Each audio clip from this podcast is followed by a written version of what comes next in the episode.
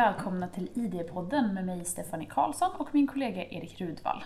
Idag har vi CSR-gurun och samtidsanalytikern Per Granqvist på besök här på ID för att prata om hur hållbarhet och lönsamhet hänger ihop. Välkommen Per! Jag hävdar ju att hållbarhet kommer att förändra näringslivet mer de kommande tio åren än vad gjort de föregående tio åren. Och det bygger på att när man klär bort alla de här begreppen och alla akademiker som håller på och ska teoretisera och liksom företag som håller på och ska göra policystrategier så kommer det fram till att ja, men hur ska vi använda resurser? Jo, smart eller dumt. Och det frigör oerhört mycket kreativitet i ett bolag. Ja, men okej, då kan jag också ta till mig det här. Då kan jag också göra det, kan vem som helst säga då.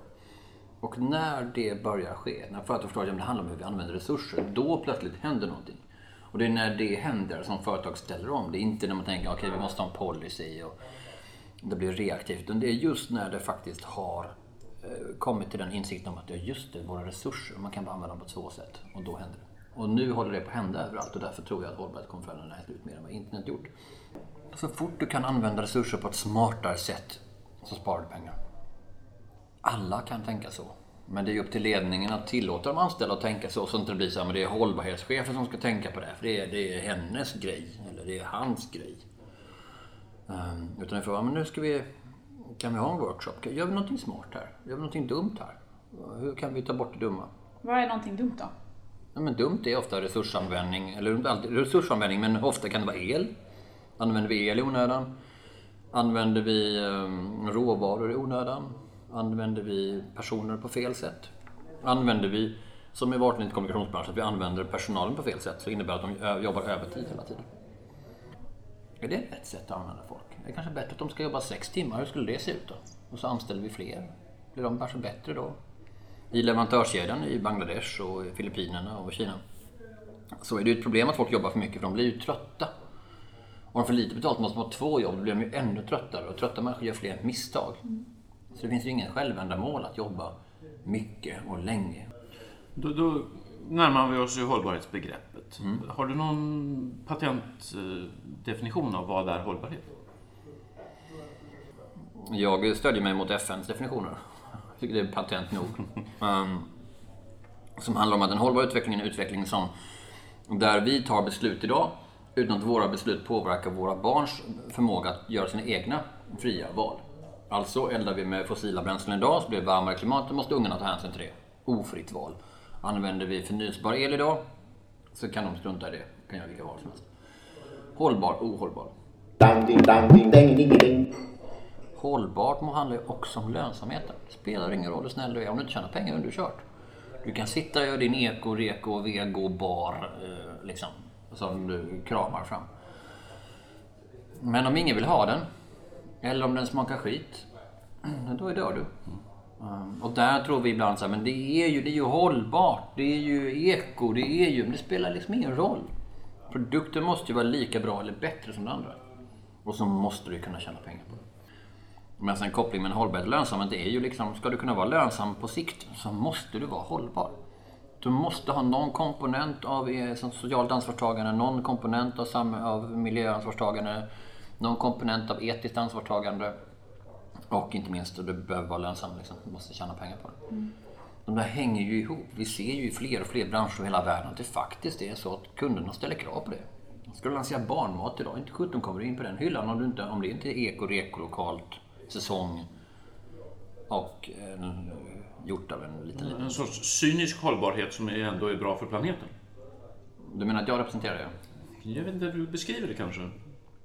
Ja, ja men det kan jag skriva under på. Jag har ju lärt mig att eh, Dels den svenska synen på hållbarhet är ju, och vad företag ska ta ansvar är ju mycket som en tillägg för staten ska göra. I ett svenskt perspektiv blir ett företags samhällsansvar indirekt en kritik mot den svenska modellen och vårt system. För det är ju staten som ska göra det här. Och då blir det lätt att man säger att ja men, det är inte så att den där Granqvist är lite cynisk. Jag tycker alla mig vad jag vill, men jag har rätt. Och du har fel. men det är liksom, det är så töntigt. Det är ju så här. Det är cyniskt. Ja, men världen går runt. Om du inte förstått det så gratulerar att du nu får reda på detta i just denna podd. Um, och nu ser vi att stora företag som är ledande i världen De har ju omfamnat hållbarhet. Det finns ju inga jättestora företag som inte är hållbara. Walmart är som går mot hållbarhet, Coke går mot hållbarhet. Liksom. Men är det verkligen hållbarhet med den typen av stora företag som får oss att konsumera ännu mer? Och... Jag tycker det är en lite annan fråga för det är ju så här att ska vi bestämma oss för att vi ska... Det är ju ingen som tvingar dig att köpa en produkt. Jag tycker att ibland så kanske tar vi och lägger ansvaret på någon annan. Tyck, tycker du att H&M är dåliga? Ja, men jag tycker det då. Av vilka skäl som helst. Det bryr jag mig inte om. Men jag vill inte att du handlar på H&M då. Och det är där vi gör så lätt för oss. Någon annan, avgår någon annan. Någon annan borde ta ansvar för att jag beter mig som jag gör. Det blir liksom det. Det är lite ett svenskt perspektiv att någon annan borde ta hand om oss. Staten borde styra upp det här. I idén om att liksom, eh, kapitalismen skulle vara ohållbar så ligger det en idé och så tror jag inte riktigt man har förstått hur världen går runt. Världen går ju runt med pengar. Sen kan vi, vi måste använda det kapitalistiska systemet för att förändra systemet. Det är inte hugget i sten. Men jag tror att folk skulle över natten skulle bara säga, ja men eh, hörni killar och tjejer. Första januari ska vi bara ha ett annat system.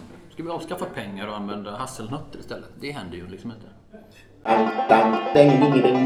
Det handlar ju om att, att alla krafter ska vi ställa om världen. Om man tittar på de nya 17 utvecklingsmålen som vi enas om då här i New York i september. Alltså ett av dem handlar ju om att den offentliga sektorn ska använda sin kraft i form av stor inköpare. Att ställa krav och ställa om till världen. Företag måste använda sin kraft som inköpare att ställa om. Vi som konsumenter måste använda vår kraft som inköpare av saker och ting för att ställa om. Ehm, och då kan det inte gå jättefort. När började vi konsumenter bry oss om hållbarhet? Ja, jag vet, olika. 70-talets början, eh, 60-talets slut, någonstans där.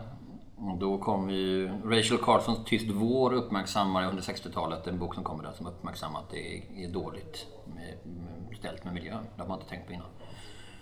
Um, utan man kör ju DDT och man häller ut gifter överallt och så. Och Sen 90-tal, då är det liksom um, oblekt papper och det är pennor av majsplast och sånt där som är jättedåliga. Um, och änglamark kommer. Men där finns någon slags efterfrågan som man börjar testa lite grann. kanske. Ja, efter 80-talet så då, då provar man lite grann och sen så dör det igen och sen så kommer det igen runt sekelskiftet börjar man prata om att liksom, det är då vi inser att företagen är stora globala spelare och de kan faktiskt attackera stora globala frågor på ett sätt som politik inte kan. Så vi ser dem som ondskefulla, de har tagit över världen, de har eh, suger ut människor i tredje världen genom att tillverka jättebilligt där. Men de kan också bidra till lösningen, så vi upptäcker liksom företagen som kraft i början av sekelskiftet. Och sen, och då vi inser då är att vi kan sätta press på företagen, och använda dem som förvandlingskraft. Och det är där vi är liksom nu. Och det har bara gått ökat mer och mer sen. Jag kan vara lite förvånad ibland. Ehm, jag kom ut med en bok som heter Caesarbutiken för fem år sedan någonting. Och som alla tyckte var jättebra till att börja med. Jag har researchat 500 exempel, och 60 av dem i boken och konkreta exempel högt och lågt över hela världen. Så. Bra, varsågod, här, boken. Då kommer det några från, eh, som säger att ja, men det är inte empiri och mm, det är inte någon med akademiska meriter som de kunde erkänna som då, liksom. Ja visst. Och näringslivet älskar ju boken och den sålde ju på. Liksom. Och sen kom det då från en handelshögskola, kom ut med en bok något lite senare, så här, den här är gjord av sju akademiker. Den bombade ju såklart, för det tog ju alla andra som en varningstext. så att jag har aldrig sökt bekräftelse i de kretsarna. Utan det jag tycker är roligt det är ju att få liksom eh, hänga med företagare och förstå och liksom, jag tror att där har jag en eh, cred. Jag försöker väl liksom ha något slags ärende som inte handlar om att jag ska framstå som så himla tuff hela tiden. Men du bygger också någon slags varumärke för dig själv då? Ändå? Ja, det gör jag naturligtvis eftersom om jag skriver någonting som, som någon tycker är bra så eh, kommer man bli ihåg det. Och du pratar ju mycket om det också, du syns ju. Jag syns i olika sammanhang, det är riktigt. Känns det inte ensamt Hej då. på din, din kant? Du menar om jag är liksom... Eh, Varför borde det finnas fler som dig? Don, ja, om jag är Don Quijote. det finns massor med människor som mig. Jag är inte alls eh, ensam, tack snälla. Ehm, jag känner mig inte ensam i det jag gör. Ehm, Kan, kan du känna det här klassiska, man undrar när man ska bli påkommen?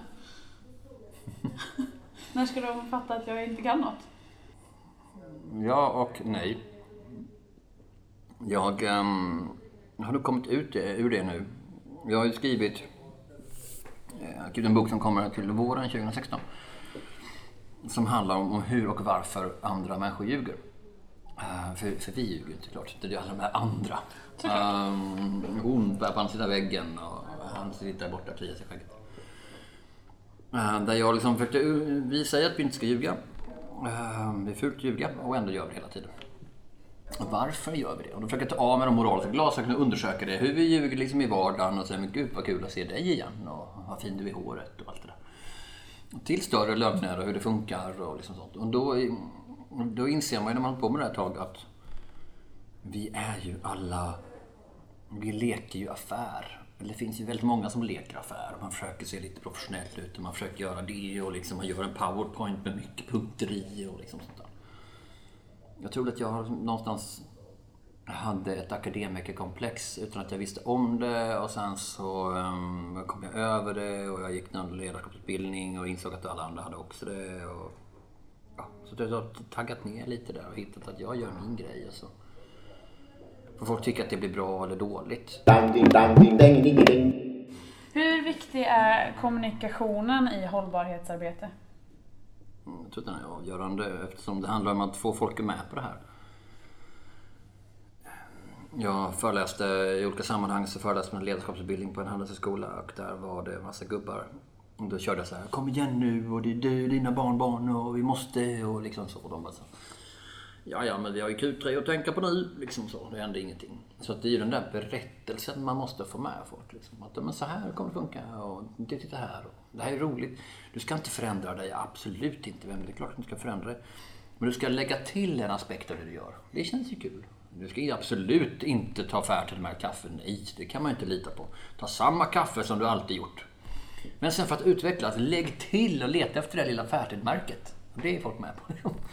Så man kan aldrig köra pekpinnar, man kan aldrig köra nu måste vi eller kris.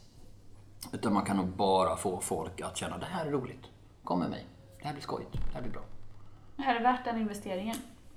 Det kan ju vara att man tänker att bolag är um, väldigt bra ehm, eller väldigt dåliga. Alltså, fast de är egentligen väldigt bra, fast de säger ingenting. Det är många svenska bolag som är det. Liksom, som är väldigt bra. H&M är jätte, jätteduktiga. De är rätt kassa på att kommunicera just de här bitarna. De kan kommunicera att det kommit en ny pullover eller att du ska köpa en liksom, kalsonger i ekologiskt bomull och så. Liksom. Men de pratar inte om det större. Och då är det ju slöseri det i sig. Allt handlar ju om kommunikation hela tiden. Och... Men ska lönsamheten fungera som en morot till att börja arbeta mer hållbart? Ja. Eller ska hållbarhetstänket i sig vara tillräckligt starkt? Nej, Nej du ska bara prata pengar. Ta risken att, fram, att, att verka lite cynisk. Men bli en sån som pratar pengar. Pratar du pengar så kommer du igenom överallt. Och om du säger att Nej, men det här är hållbart och viktigt, och så kommer du inte igenom lika mycket. Och är du tjej kommer du verkligen inte igenom. Uh, för då blir jag, jag lilla gumman. Men du är ju hållbarhetschef och det är ju kvinnor vi har till sånt. Men det är ju för att vi män sen pratar om de tuffa sakerna. De ordentliga sakerna. Så det kan, liksom, det, vi säger till sen då kan du gå ut. Det är ju lite den liksom, raljerande typen mot det. Alltså måste man vara stenhård på det. När jag i början när jag var ute och pratade, pratade mycket mer så etik och kom hit som Jenny och sånt. Jag bombade ju fett. För det var ingen som lyssnade på det. Det var kul. Ja, men det var roligt. Han kom in. Ska vi ändra oss? Nej. Men kommer det ändå en man och pratar etik? Ja, är inte det lite spännande?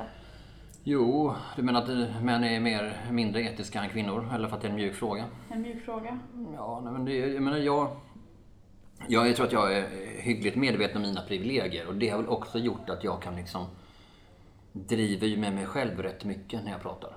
Um, och jag kan också köra lite tjuvnyp till liksom, vita män i medelåldern som är, har i största allmänhet svindålig koll på strukturer och makthierarkier och reflekterat över sina liksom, egna privilegier.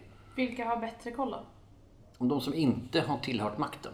För de förstår ju att det kan se ut på ett annorlunda sätt och så. Liksom. Det är ju kvinnor eller från annan bakgrund eller från lägre samhällsklasser eller vad det nu är. Liksom. Alla som har makt håller ju den såklart klart man inte vill ge ifrån sig makt. Det är ju jättejobbigt. Ja, det blir enklare att hålla kvar om man tycker att det är ett naturtillstånd också. Ja, verkligen. Verkligen. Men du själv har ju ganska mycket makt. Du är ganska... Ja, men förklara. På vilket sätt har jag makt? Du publicerar ett budskap i många olika kanaler. Mm. Det du skriver påverkar ju människor. Mm. Och du syns i sammanhang som Ja, det är klart att det är har makt. mycket makt. Ja, det är klart. Jag tänker på jag tänker, det är klart att det är makt. eh, Och det är jag medveten om. Jag försöker tänka på det också i termer av ett ansvar. Men du menar också att, att lönsamhet döljer sig i att ta in fler än oss vita Ja, det är klart. Det är klart. där man bestämmer? Ja, det är klart. Att det inte bara är av godhet vi ska göra det? Vi ska inte göra någonting av godhet för att det, blir, det kan bli liksom för varmt och mysigt och trevligt och så. Vi, det, vi kan tappa fokus på det. Vi ska inte göra bara av lönsamhet. Vi ska också förstå att det har andra aspekter. Vi ska inte heller bara göra av alla andra anledningar än lönsamhet. Är du och jag i en ledningsgrupp, eh, eller i en arbetsgrupp, eller i en styrelse och vi har samma åsikt så är en av oss överflödiga. Och det gäller ju samma sak om jag och Staffan, ni är en, en, en, en, samma grupp och vi har samma åsikt, då är en av oss överflödig. Men det är ju mycket mysigare att vara med en likasinnande och hö, hö, hör du Anders och hö, hö, Per och sånt liksom. Det är mycket mysigare att göra det. Um, så att jag förstår att man tycker att det är jobbigt och det kommer in någon som kritiserar och liksom så. Men ska man kämpa för någon annan måste man vara medveten om sina egna privilegier. Det är den berättelsen jag alltid försöker få fram. Liksom. CSR i praktiken, kommer den fortsätta att sälja? Pratar vi fortfarande CSR om fem år? Ja, det tror jag tyvärr. Men om 15 år tror jag inte det. Då tror jag att det här CSR eller hållbarhet är lika tråkigt som kvalitet idag. 80-talet var en kvalitetsboom. Och man hade kvalitetsseminarier, det fanns kvalitetsgurus som åkte runt och skrev säkert böcker som hette så här, Kvalitet i praktiken. och sånt. Det vore skönt om jag vore en sån eh, överspelad figur om 15 år. Och därmed tackar vi för oss, Erik Rudvall och Stephanie Karlsson på ID Kommunikation. ID-podden säger Hej då. Hej då!